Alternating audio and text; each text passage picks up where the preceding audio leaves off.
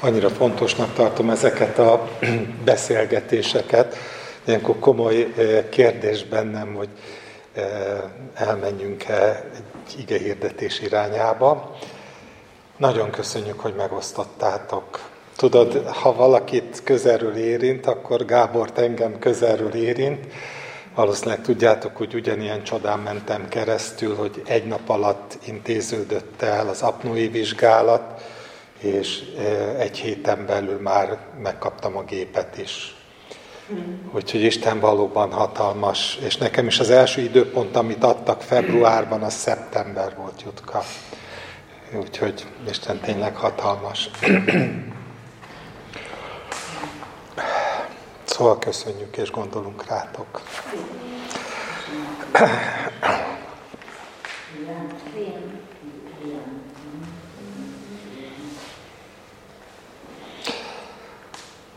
Mondtam itt bevezetőként, hogy a múlt héten kínai gyülibe voltunk veletek, és most szerettem volna arról elkezdeni beszélni, hogy miről is volt ott szó. Azért gondoltam, hogy ugyanazon a gondolatvonalon megyek végig, mert egyrészt ott a fordítások miatt, hát szerintem nem jutottam el a feléig se, de lehet, hogy kb. addig, másrészt pedig azt gondolom, hogy tényleg eh, nagyon sokat adott nekem maga ez a gondolat és gondolatkör. Nem én határoztam meg. Eh, Montfai Zoli mondta el, hogy hol tartanak az igében, és mivel náluk az a szokás, hogy így sorba haladnak az igén, így azt gondoltam, hogy akkor én is ugyanazt a sort folytatom, és éppen a Jézus főpapi imája került elő, a János evangéliumának a 17. része. Nagyon, nagyon mély gondolatok vannak abban az imában, és picit félve is hozom elő, mert, mert nem könnyű még megérteni sem. De azért én elolvasom azt legalább az első néhány verset, és aztán imádkozunk, hogy Isten adjon bölcsességet, hogy valamennyit megértsünk a szavakból. Ezeket mondta Jézus, majd föltekintett az égre, és így szólt, Atyám, eljött az óra.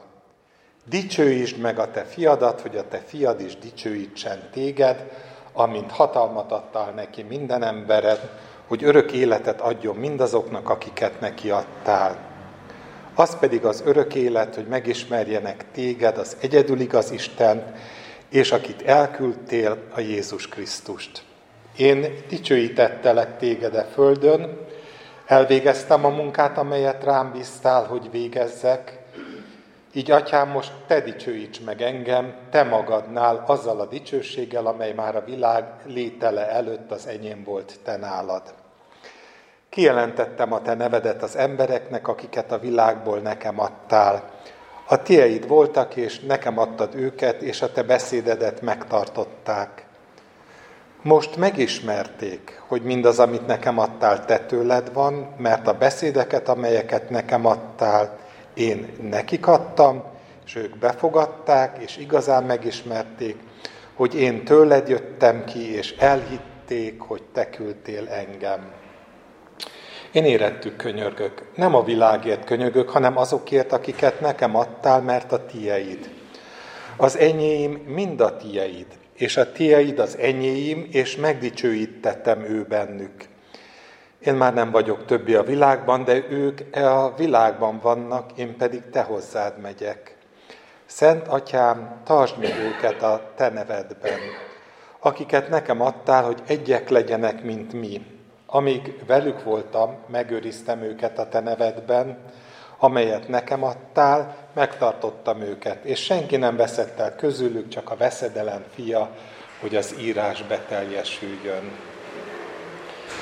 Ez 12 verszak volt, és még körülbelül ugyanennyi van hátra a rész végéig, de én azt hiszem, hogy még ez a 12 verszak is sok befogadni egyszerre. Nem tudom ti, hogy vagytok vele, de minden szót értek. Gondolom mindenki, aki magyarul beszél, ért minden szót, és mégis miközben hallgatjuk, elönt az az érzés, hogy hallom, hallom, de a felszínen túl mit akarsz ezzel mondani? Úgyhogy ezért imádkozzunk, hogy valami értsünk meg belőle. Menjél, atyánk! Még egyszer közösen hálát adunk neked azért, hogy úgy, ahogy elébb hallottuk, te egy jó Isten vagy, egy igazságos, örökkévaló, bennünket nagyon szerető mennyei Atya, aki elküldett hozzánk Jézus Krisztust. És ő benne mindent megadtál nékünk, ami szükséges az életre, ami szükséges ahhoz, hogy akaratodban járhassunk. Mi vagyunk azok, akik erre nehezen mozdulunk rá, és miközben folyamatosan beszélünk az akaratodról, a közben gyakran eltévesztjük azt. Kérünk, bocsáss meg. És most adjál világosságot, szellemi tisztállátást, segítsél, hogyha csak apránként is, de valahol föl oszoljon a homály, amit sokszor, ami sokszor elfedi előlünk a te valós lényedet. Segítsél, hogy áttörjön a világosság, fölragyogjon mindannyiunk számára Krisztus, a valós Krisztus és a valós Isten. Hallgass meg bennünket az ő nevéért, kérünk téged. Amen.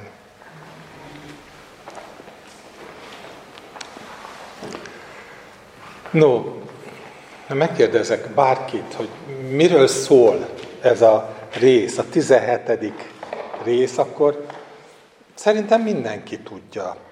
Úgy nagyjából mindenki tudja. Mindenki el tudná mondani, hogy ja, persze, Jézus főpapi imája, és ez a főpapi ima szól arról, hogy Jézus könyörög a tanítványokért, könyörög a tanítványok által elkezdett munka folytatásáért és sikeréért, könyörög az egységükért, könyörög valamilyen formában azokért, akik majd hinni fognak a tanítványok bizonyságtételére.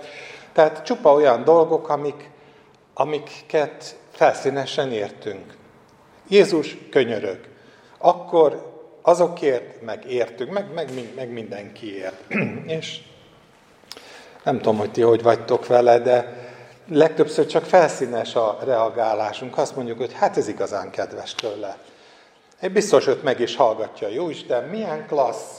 Hát mi más tehetne egy főpap, mint hogy könyörög az övéiért. Úgyhogy minden helyére zökken, mindent értünk, mindent tudunk, és ezzel a lendülettel lehet, hogy ti nem, de úgy érzem, hogy hajlamosak vagyunk rá, át is siklunk a mondani valon, azt gondoljuk, hogy értünk mindent. Így volna?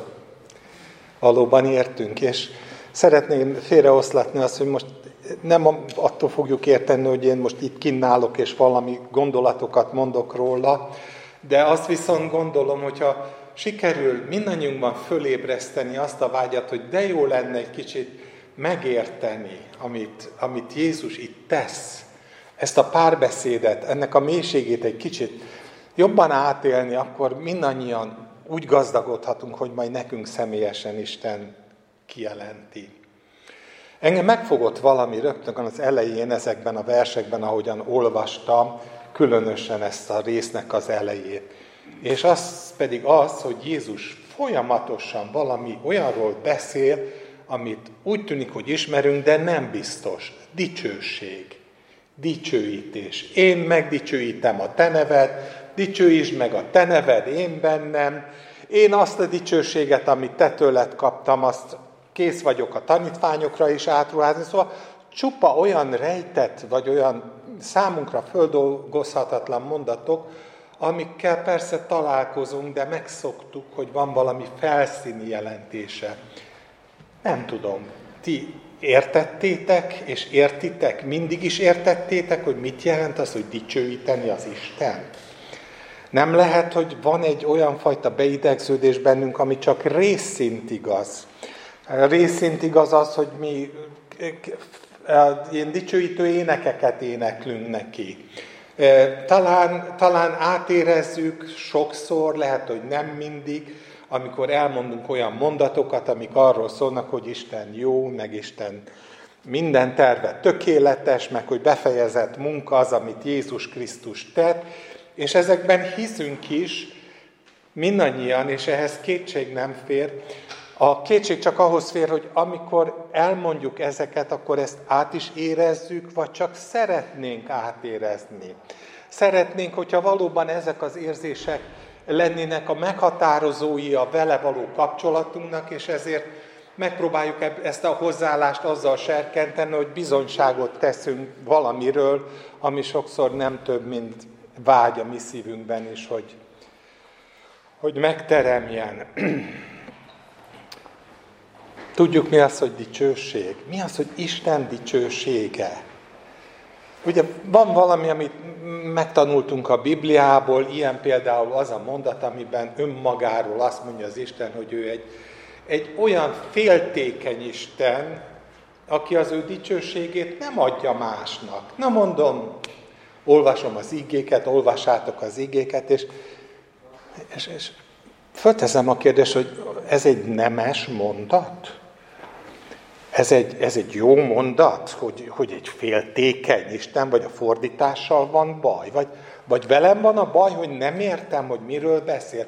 Volna emögött valamilyen, valamilyen önző, hátsó szándék, hogy, hogy nem hajlandó osztozkodni senkivel, semmin, és őt igazából még az se nagyon érdekelné, hogy szívből jön a dicsőítés, vagy nem szívből jön a dicsőítés. Egy a fontos, hogy ő megkapja a dicséretet tőlünk, az elismerést tőlünk. Nyilván nem ilyen az Isten, de valóban ezek a kérdések fölvetik azt, hogy, hogy vajon értjük-e, hogy miről beszél. Miről beszél, amikor ezt mondja, hogy egy féltékeny Isten, aki nem adja az ő dicsőségét másnak. Nyilván nem azt szeretné, hogy színleljünk, nem azt szeretné, hogy csak az ajkunkkal mondjunk szép dolgokat róla, hanem azt munkálja bennünk, hogy teljesen egyet is értsünk azzal, ami elhagyja a szánkat, és ezért tartom én talán kicsit fontosabbnak, mint sem ami fény eddig rávetül, ezt a kérdést, hogy mi az, hogy dicsőítés, mi az, hogy dicséret. Hogy megérthessük a főpapi ima lényegét, amikor azzal kezdi rögtön, hogy atyám, eljött az óra, dicsőítsd meg a te fiadat, hogy a te fiad is dicsőítsen téged. Mondat gyönyörű, remekbe szavudott. Csak tényleg nem könnyű Á, hát talán picit is a felszín mögött látna azt, hogy miről beszél Jézus. No, ezért annélkül, hogy nyelvészkedni szeretnék, hagy mondjam el egy ilyen viszonylag gyors egymás utánban azt, hogy miből is ered. Miből is ered ez a dicsőítés gondolat. A szónak a töve, egy görög szó, ennek a töve az az, hogy dek mondok néhány ilyen szót, de nem kell nagyon megijedni, mert semmi jelentősége, akármi is lehetne, csak a folyamat ábráért. Ez, ez elfogadást jelent. Tehát valami olyasmit sugal, hogy az első lépés ahhoz, hogy megértsük, mit jelent dicsőíteni az Istent, az első lépés az, hogy át kell gondolnunk, hogy mit jelent elfogadni. Én azt hiszem, hogy vannak nagyon pozitív tapasztalataink az elfogadásról, és aztán vannak kevésbé pozitív tapasztalataink. Pozitív az, hogy mikor megtérünk, akkor mindannyian elfogadtuk az Istennek a kegyelmét. Itt kezdődik az elfogadás, hiszen ő elfogadott bennünket, úgy, ahogy voltunk, ezek mind ismert szavak, és mi pedig elfogadtuk, befogadtuk, elfogadtuk azt, hogy ő szeret minket, megkegyelmezett nekünk, és a többi. Tehát ez valóban a dicsőítésnek a gyökere, az elfogadottságunk, és az, hogy mi is elfogadjuk Istent. De fölmerül a kérdés, hogy ez mindig így van az életünkben? Vagy Eddig terjed az elfogadásra való hajlandóságunk. Készek vagyunk elfogadni a próbákat, is. Készek vagyunk elfogadni a nehézségeket? Készek vagyunk elfogadni azt a gondolatot, hogy a halál mi bennünk munkálkodik annak érdekében, hogy az élet másokban munkálkodhasson. Szóval ez az elfogadás, ez egy nagy kérdés, annélkül nem tudjuk dicsőíteni az Isten, mert hogyha az elfogadás addig terjed, hogy elfogadtam tőle, ami jó, aztán utána, mivel ő úgyis elfogad engem, én egyszerűen garázdálkodni kezdek, és megpróbálok minden jót behappolni az Istentől. Ez, amit mindig azt mondom, hogy kifosztani a trónterm, tróntermetbe, viharozni, aztán elhozni a jókat és kimenni, vagy pedig vagy pedig átéljük azt, hogy az elfogadás az, az olyan valami, mi mindenre ki kell, hogy terjedjen, és Istennek az a vágya, hogy tényleg mindenre kiterjedően elfogadjuk őt, és elfogadjuk a nehézségeket is. Viki! Igen, Köszi, azt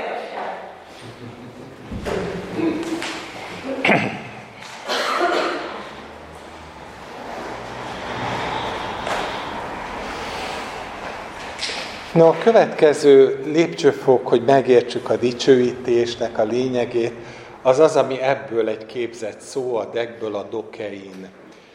Aminek nagyon egyszerűen az a mondani valója, vagy az a tartalma, hogy nem csak elfogadjuk, hanem jónak ítéljük. Ugye azért van különbség, mert lehet meghajtott vállal, összeszorított foggal, kinkeserve, ha már ilyen az Isten, és tudom, hogy az Isten mindent javára fordít annak, aki őt szereti, de igazán megtalálhatná már a másikat is, nem mindig csak engem. Szóval ez a típusú hozzáállás nem arról tesz bizonyságot, hogy jónak is tartjuk az Isten velünk való bánásmódját. Szeretnék mindig egy picit kitekinteni egy nagyobb vetületre, amit tudjátok, hogy nekem egy ilyen nagy lád, nem, nem is tudom, minek mondom, meggyőződésem, hogy a teremtett univerzum nem a felszínt nézi, az angyal seregek nem a felszínt nézik, és nem azt látják, hogy képes vagyok-e napjában háromszor térdet hajtani az Úr erőt, anélkül, hogy a szívem benne lenne, meg hogy vallok-e ilyen dolgokat, hogy mindaz jó, amit az Úr tesz, hanem az, hogy tényleg átélem, bennem van. Így ítélem meg napról napra az engem ért pozitív és negatív esemény sorokat, hogy mindaz jó, amit Isten tesz, szent az ő akaratja, mindenekben úgy legyen, ahogy ő nekem kirendelte, na ezért ez egy nagy különbség, és én azt hiszem, hogy ezt figyelik. Amikor arról beszélünk, hogy dicsőíteni az Isten, akkor elképzelhetetlen Isten dicsőítése anélkül, hogy elfogadnám és jónak tartanám. És amikor ez a kettő megvan, akkor még mindig van egy harmadik állomás, és ez az igazi ö, dicsőség szó, ez a doxa, ami annyit jelent, hogy nem csak elfogadom, nem csak jónak tartom az engem ért eseményeket, hanem meglátom mögötte azt, hogy aki ezeket elrendezi, az valami elképesztően nagy Isten. Nagyra értékelem. Nem csak magát az eseményt tartom jónak, hanem az esemény forrását, az Isten. Nagyra tartom, nagyra értékelem, kiváló minőséget tulajdonítok neki. Megnéztem, hogy az magyar értelmező szótár azt mondja, hogy, hogy a dicsőség definíciója fényes hírnév és köztisztelet, amely valamely kiváló tett, teljesítmény vagy kiemelkedő érdem erkölcsi eredményeként keletkezett. Ez zárójel zárva, én se jegyeztem meg, ti se fogjátok megjegyezni, de lényeg az, hogy ez arról szól, hogy a mögötte levő forrás az, akitől a minket ért események érkeznek, az valami egészen kiemelkedő, kiváló Isten. No, Pál képes volt el ezekre a lépésekre. Nagyon szeretem, amikor Isten dicsőségéről beszél, és Isten dicsőítéséről beszél a 2 Korintus 4-ben, akkor közvetlen ezután, a gondolat után mond valamit, ami, ami nagyon jól lefedi ezt a kettősséget. Azt mondja, hogy mindenütt szorongatnak, de össze nem roppantanak. Elfogadja a nehézséget. Kétségeskedünk, de nem esünk kétségbe. Üldözöttek vagyunk, de nem elhagyottak. Letiportak, de nem elveszettek. Mindenkor testünkben hordozzuk Jézus halálát, hogy Jézus élete is látható legyen a testünkben. Azért az halál bennünk munkálkodik, az élet pedig bennetek. Az egyik legkedvesebb versem egy nagyon fontos törvényszerűséget fogalmaz meg. Ahhoz, hogy élet áradjon belőlünk, ahhoz nem a szavaink vezetnek, hanem az Isten velünk való bánás módjának az elfogadása a próbákban, a nehézségekben, a kritikus helyzetekben. Az, amikor, amire ő azt mondja, hogy mindenkor halára adattatunk, de soha el nem tiportatunk, az, hogy lássuk világosan, hogy bármi is ér bennünket, azt elfogadjuk, azt jónak tartjuk, a mögötte álló Istent hatalmas, dicső, szent Úrnak tartjuk, és ilyen módon noha a halál bennünk munkálkodik, állandóan próbák alatt vagyunk, az élet mégis kiárad. Addig nem tud kiáradni a, a nagybetűs Krisztustól származó élet, ameddig csak, csak szánkkal teszünk elég kétséges bizonyságokat, vagy át nem élt bizonyságokat az Istenről, amiben nincsen ott a szívünk, nincs ott a saját magunk megélése.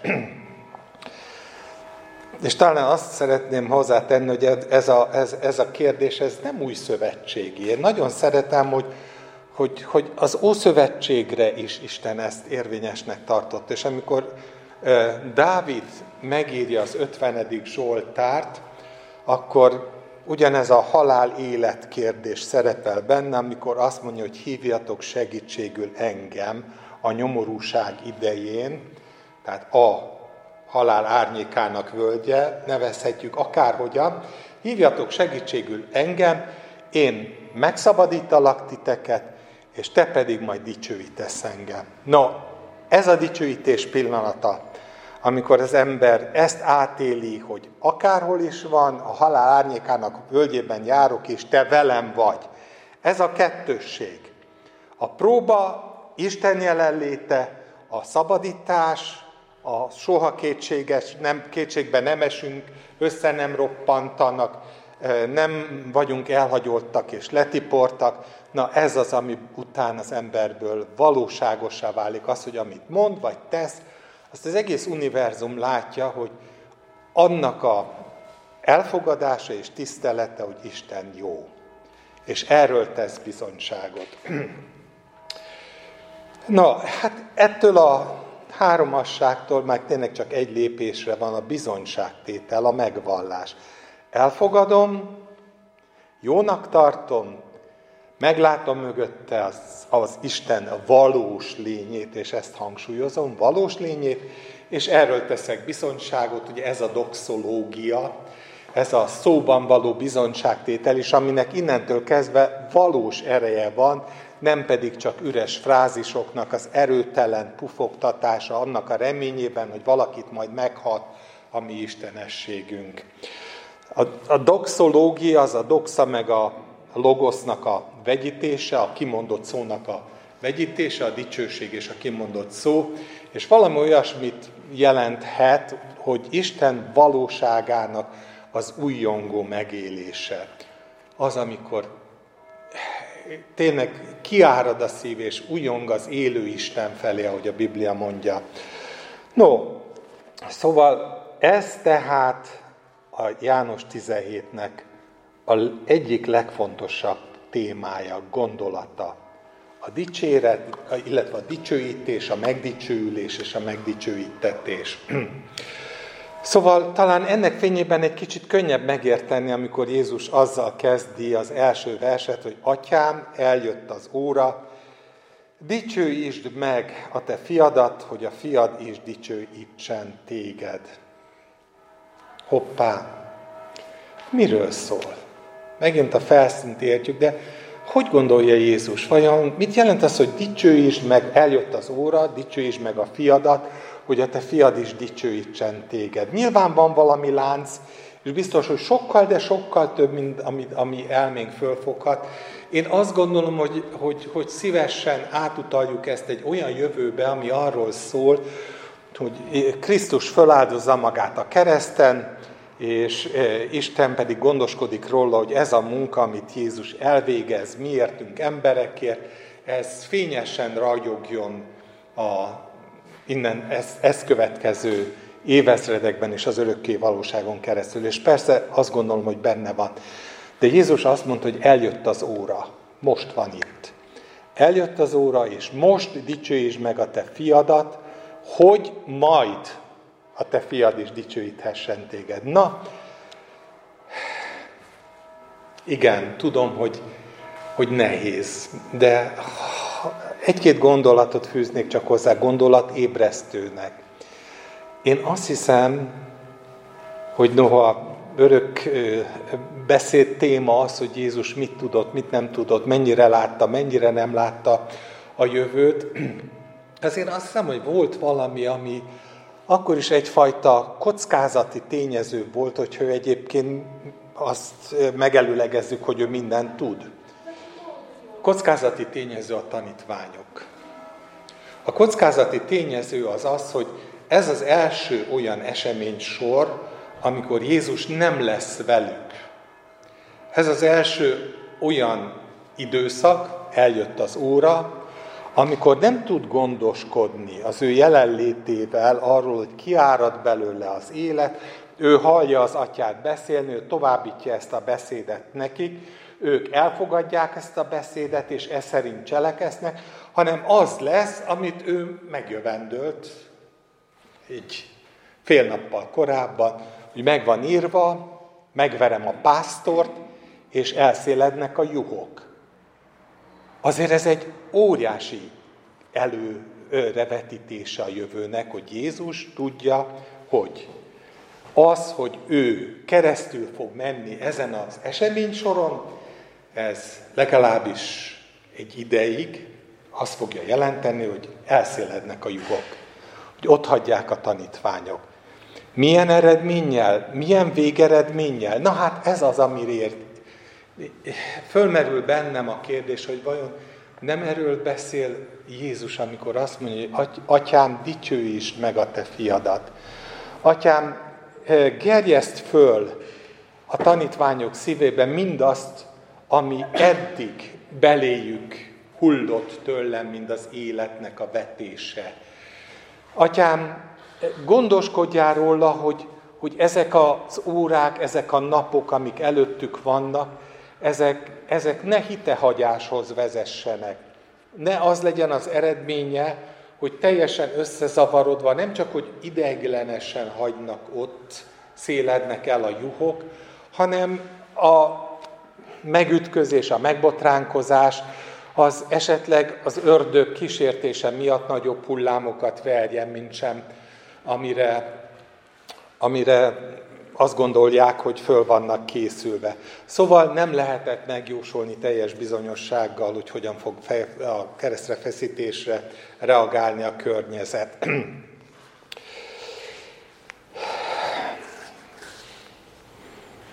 És azt kéri Istentől, hogy vigyázzon rájuk ez alatt az idő alatt. Azt kéri őt, hogy ő legyen az, aki ráhangolja a tanítványokat erre az elfogadásra, erre a dekre, amikor ő nem tudja ráhangolni őket. Azt kéri az atyától, hogy segítse őket, hogy ez az elfogadás bennük is tovább fejlődjön, akármennyire borzasztók ezek az események, egy, egy, egy olyan stádiumba ezzel a dokeinné, hogy jónak lássák, nem csak elfogadják, hanem jónak lássák, hogy meglássák mögötte az Isten valóságát, az Isten tervének a jóságát, mert azért azt be kell látnunk, hogy ezt egyáltalán nem látták a tanítványok.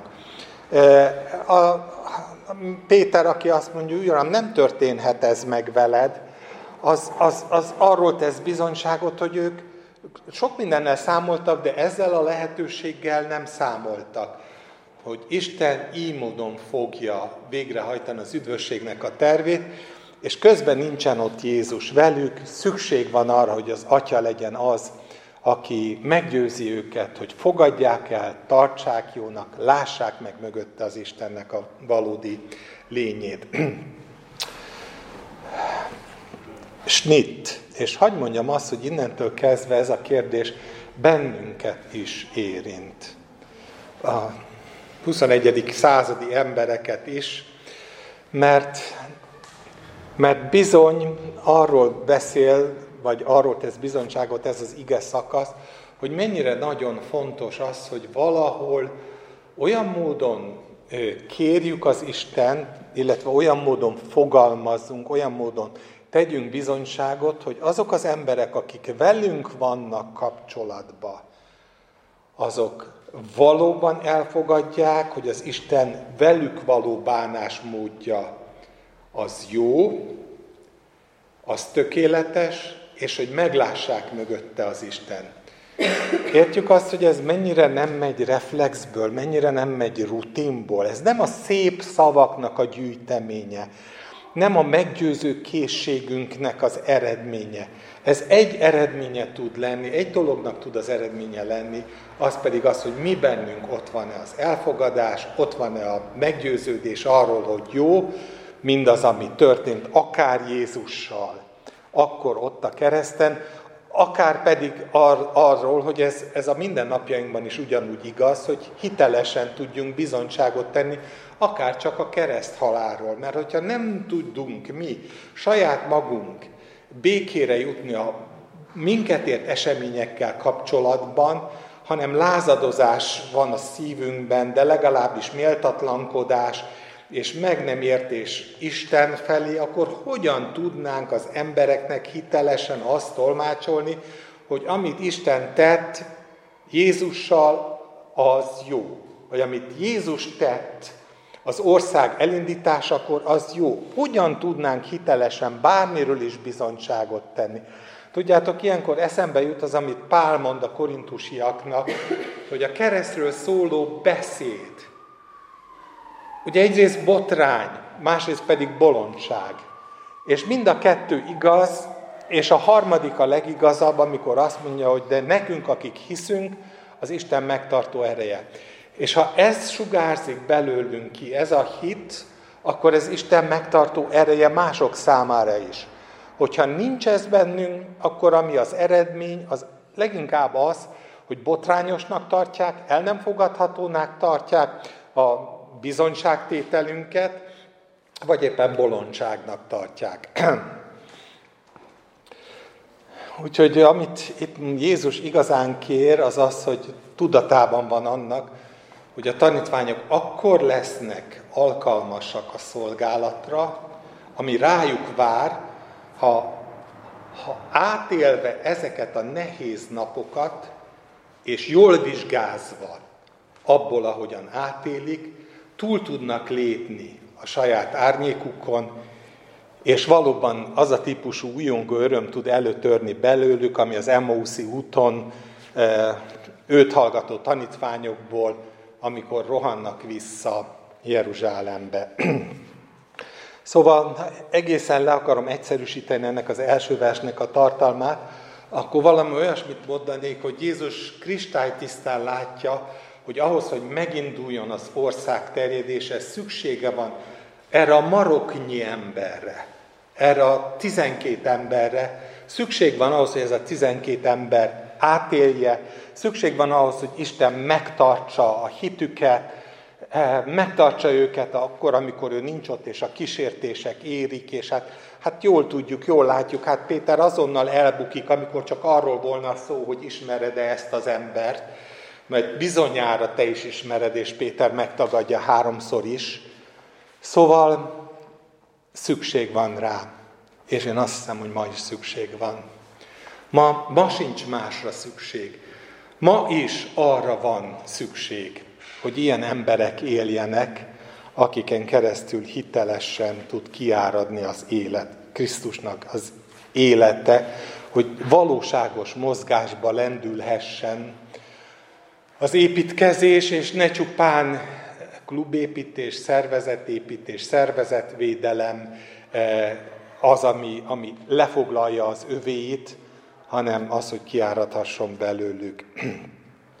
Úgyhogy ezért kéri, hogy felolvastam, és arra valószínűleg már nem fogok kitérni, de ezért, kér, ezért mondja azt, hogy nem a világért imádkozom. Azért ez is egy megdöbbentő dolog, nem? Szóval ezekben az pillanatokban ő nem, az, nem a világért imádkozik. Az egy gyümölcs, hanem ezekért imádkozom, akiket nekem adtál, azokért imádkozom, mert ők a tieid, ők már a tieid, ezért a te uralkodásod már kiterjedhet rájuk. És ezért végezd el bennük azt, hogy átélve mindezt, elindulhasson a gyülekezeteknek az élete, mert az ő gyümölcs termésük lesz. Én már nem leszek ezen a világon. Ők még itt lesznek, sőt, most kezdődik a feladat az ő számukra, mert itt maradnak a világon. És az a vágyam, hogy értük imádkozok, hogy tartsd meg őket. A második vers, az tulajdonképpen az első versnek a függeléke, amikor azt mondja, hogy dicsőítsd meg a te fiadat, hogy a te fiad is dicsőítsen téged, amint hatalmat adtál neki minden emberen, hogy örök életet adjon. Na most itt megint egy pici ilyen fordítási gondjaink vannak, ezt Csia sokkal szebben fordítja le, és e, még így is nem könnyű. Azt mondja, hogy atyám, cselekedj annak megfelelően, hogy fennhatóságot adtál neki minden ember felett. Tehát nagyon leegyszerűsítve azt mondja, hogy atyám, fennhatóságot kaptam az itt létem alatt minden ember felett. Akiket nekem adtál, megőriztem őket. És most arra kérlek téged, hogy ahhoz, hogy én örök életet adhassak neki, és csi az adhassak szót használja, nem az adok szót, ahhoz, hogy örök életet adhassak neki, most a te szerepköröd következik. Gondoskodjál arról, hogy amikor eljön a kereszthalál, és majd én föltámadok, azt az időszakot úgy vészelhessék át, hogy megdicsőüljön bennük a te eljárásod, és én majd üdvösséget adhassak emiatt nekik. Hiszen azért adtad nekem őket, hogy üdvözíthessem őket. Ne az legyen az akadály, hogy most elbukik az, a, a terv, amiatt a gyengeség miatt, ami az ember. Aki a gyűrűk urát ismeri, az pontosan tudja, hogy mennyire gyenge az ember, amikor, amikor a saját képességünkről való van szó.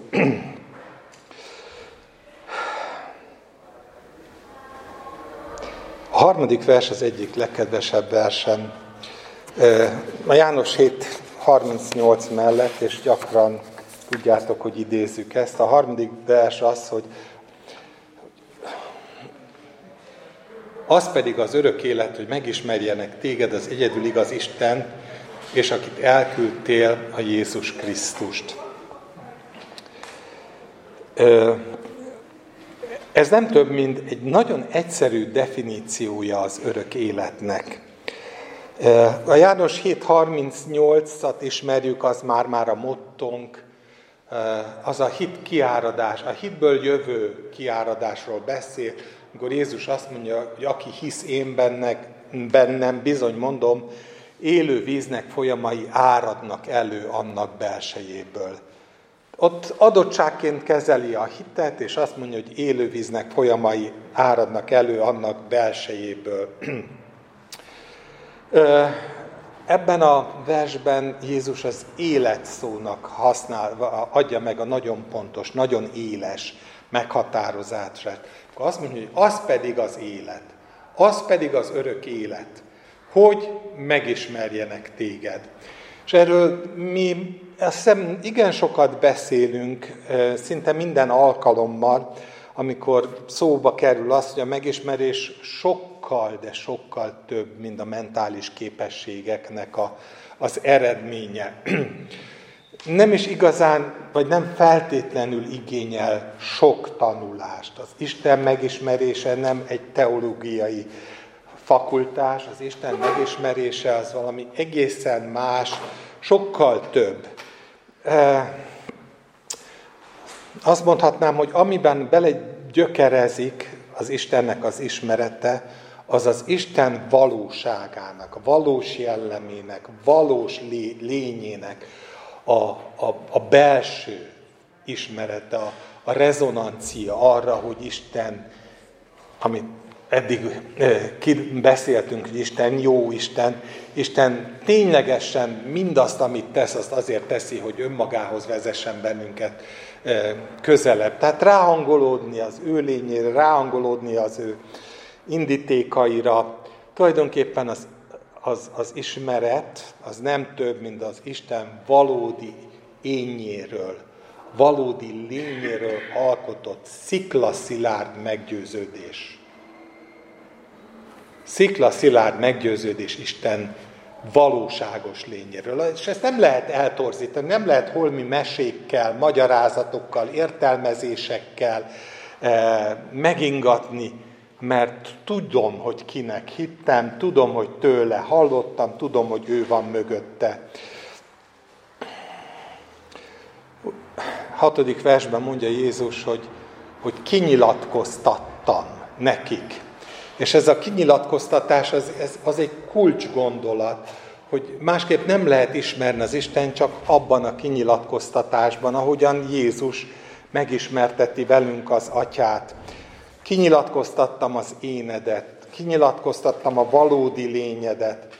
E, úgyhogy mindent tudnak, de mégis a megpróbáltatásoknak ebben az időszakában Egyedül te vagy képes arra, hogy ez a kinyilatkoztatás, amit tőlem megkaptak, ez megmaradjon. Ne tudja az ördög ö, megtámadni és elvenni azáltal, hogy hirtelen fölül akarja írni azokkal a tényekkel, amiket látnak.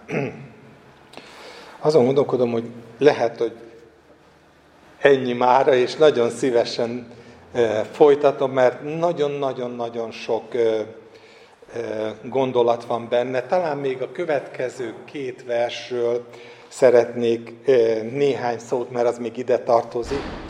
A negyedik, ötödik vers azt mondja, hogy én dicsőítettelek a földön, elvégeztem a munkát, amelyet rám bíztál, hogy végezzek. Atyám, most te dicsőíts meg engem, te magadnál, azzal a dicsőséggel, amely a világ létele előtt az enyém volt, te nálad. Szóval sok mindent elmondott eddig Jézus, de most valami egészen különleges dolgot mond, elmondja azt, vagy legalábbis egy nagyon jelentőségteljes értelmezést ad arról, hogy hogyan lehet dicsőíteni az Istent. Hogyan lehet dicsőíteni az Istent. Erre is megvan a magunk sztereotíp, több ezer éves válasza, de Jézus itt azt mondja, hogy én dicsőítettelek téged, milyen módon? Azáltal, hogy elvégeztem azt a munkát, amit rám bíztál. Ez az én dicsőítésem. Elvégeztem azt a munkát, amit rám bíztál. És nem lehet eléggé hangsúlyozni, hogy Istennek dicsőséget csak az a munka szerez, vagy csak az a cselekedet szerez, ami a tőle jövő megbízás alapján eh, végeznek el az övéi. Csak az szerez dicsőséget. Nem az önkéntesség szerez dicsőséget Istennek, nem az általunk generált feladatok szereznek dicsőséget Istennek, nem az Istenesnek látszó cselekedetek szereznek dicsőséget az Istennek, nem a leosztásban megkapott munkák szereznek dicsőséget Istennek, hogy te vagy a mit tudom én, ilyen-olyan felelős, amolyan felelős, és végzed életed során nagy lelkesedéssel. Még azt sem mondom, hogy ezzel nincs baj, mert van vele baj. Igen, sok van baj van vele, de azt nem árt, hogyha végig gondoljuk a következő hetekben, hónapokban, hogy Jézus nagyon világosan azt mondja, hogy azt szerez dicsőséget az Istennek, hogyha azt tesszük, amire ő, amit ő kér tőlünk most. Emlékeztek, ez is olyan szinte közöttünk folyamatosan elhangzó mondat, hogy Jézus erről tesz bizonyságot a tanítványoknak, hogy én soha nem teszek mást, mint sem, amit látok az atyánál. Én soha nem mondok más, mint sem, amit az atya mond nekem, az ő beszédei, hogy továbbadjam nektek. Tehát van egy olyan, olyan rendkívül szoros kapcsolat, egy olyan természetes köldök zsinór Istennel, amelyikben ezek a cselekedetek, amiket ő tesz, azok a szavak, amiket ő mond, azok gyümölcs termővé válnak, életet hordoznak, és megtermékenyítik a tanítványokat, nagyon gyakran megelégítik a környezetet, meg meggyógyítják az embereket, de a lényeg az az, hogy minden esetben, ami mögötte áll, hogy Jézus azt teszi, amit az Atya mond. És most összefoglalja. Összefoglalja ebben az imában, amikor azt mondja, hogy no, és ezáltal szereztem dicsőséget, hogy azokat cselekedtem, amiket te mondtál nekem. És ezzel éles ellentétben áll, amikor Pál a Kolossi gyülekezetnek ír levelet, és hát megfogalmazza azt, ami megint lehet, hogy könnyen átsiklunk, mert azt mondjuk, hogy jó, szegény Kolossi az ilyen volt, de mi is hasonlóak vagyunk. Mert hogy az, a Szentírás sehol nem tanítja, hogy Isten örömét lelni azokban a cselekedetekben, amelyek a mi emberi buzgóságunkban gyökereznek, és itt mondja Pál, hogy és ugyan a bölcsesség látszatát kelthetik, a magunk csinálta kegyeskedés, az alázatoskozás és a test sanyargatása által, valójában azonban semmi értéke és haszna nincs, mert öntelt felfuvalkodottsághoz vezet. Hát nem tudom kellően dramatizálni. Azt mondja, hogy semmi értéke és haszna nincs. Akármennyire istenesnek látszik, amennyire, akármennyire buzgalmunkból származik, mégis magunk csinálta kegyeskedés, mert mi azt gondoljuk, hogy így lehet szolgálni az Istennek, és azt gondoljuk, hogy végül is, hát azt nem gondoljuk, hogy elégedjen meg vele, de azt gondoljuk, hogy ez a dolgoknak a természetes rendje, hogy ő adott egy csomagot, menjetek el, tegyetek tanítványokká minden népet, mi átvettük a csomagot, kitaláltuk a, a processzt, a folyamatot, telitűzdeltük állomásokkal, tisztségekkel, eljárásrenddel, és tesszük, és csak az Isten adhat bölcsességet, hogy meg tudjuk különböztetni a emberi bölcsességet az ő bölcsességétől, és a magunk által generált isteni tiszteletet attól, amit ő mond.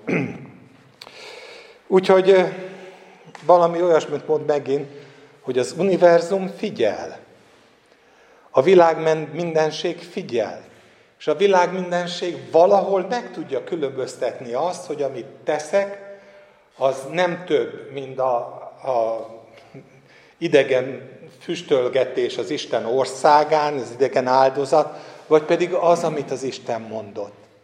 És mindig újból és újból visszajutunk oda, hogy nem kerülhető meg, hogy a hatékony, nem jó szó a hatékony, mert ilyen nincsen, de az Isten szerint való ö, ö, királyság, ö, terjedés, a királyságnak Isten szerint való terjedése egy dologban gyökerezik, abban, hogy elfogadtuk, jónak tartjuk, nagynak tartjuk, erről teszünk bizonyságot, és a személyes, vele való kapcsolatban pontosan tudjuk, pontosan, de legalábbis megkíséreljük ezt az utat járni, hogy hallani, amit mond arról, hogy mit tegyünk, hallani, amit mond arról, hogy mit mondjunk, és azt tesszük, mert csak ez hoz dicsőséget neki.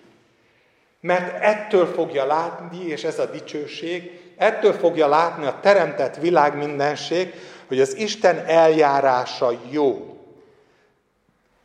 Rajtunk keresztül megismerteti az ő valós titkait az egész univerzummal, hogy mi elfogadtuk, hogy ő jó, hogy ő Isten, és hogy mindaz, ami történik, az, az rendjén való, és rendjén való volt a Krisztus halála. Tudjátok, ezért van akkora jelentősége annak, amit szintén János fogalmaz meg, és ezerszer, ezerszer elmondom, már-már tényleg át kell gondolnom, hogy mikor mondom el újból, a János levél, amikor azt mondja, hogy amit láttunk, amit hallottunk, amit tapintottunk, amire fölnéztünk, az élet igéjéről. Erről szól a mi bizonyságtételünk. Az összes többi kár és szemét, haszontalan, hiába való, bármennyire istenesnek látszik, bármennyire az emberi természet ösztönösen adja magát hozzá az ilyen cselekedetekhez, mert ez a kényelmes. Sokkal kényelmesebb az embernek, a hústestnek meghatározni, hogy mi legyen az Isten tisztelet, mint sem azt az utat követni, amit Jakab mond, tényleg csak példaértékűen, hogy az igaz Isten tisztelet pedig ez. Meglátogatni a szegényeket, az árvákat az ő nyomorúságukban, és szeplő nélkül megtartani magunkat a világtól. Tulajdonképpen egészen döbbenetes, hogy mennyire más útját jelöli ki. És ezt lehetne nyilván ezer módon e, még kiegészíteni, de amit mondjak abban az az, hogy nem az, amit te gondolsz, hogy összegyűltök kegyes, ájtatos képpel, megtartotok egy liturgiát, és elmondtátok azt, hogy akkor most mi dicsőítettük az Istent, hanem ez az út, amit Jézus bemutatott, és amit Pál bemutat, és amiről ő is beszél. Szóval azt hiszem ez győzi meg az egész univerzumot ebben a nagy bizonyítási eljárásban, hogy kinek van igaz, amikor majd az örökké valóságon keresztül kormányozni, kormányozni fogja a mindenséget, azt fogja meggyőzni, hogy olyan emberek élnek, akik ezek szerint, az elvek szerint gondolkodnak, és több ez a gondolkodásnál, eh, megismerték az Isten valós lényét, és ez a valós lény ismerete határozza meg a mindennapjaikat, és ezt kívánom, hogy Isten ebben adjon mindannyiunknak. E, egyre mélyebb megismerését, és egyre jobb, teljesebb ráhangolódást, finom hangolást az ő munkájára. Amen.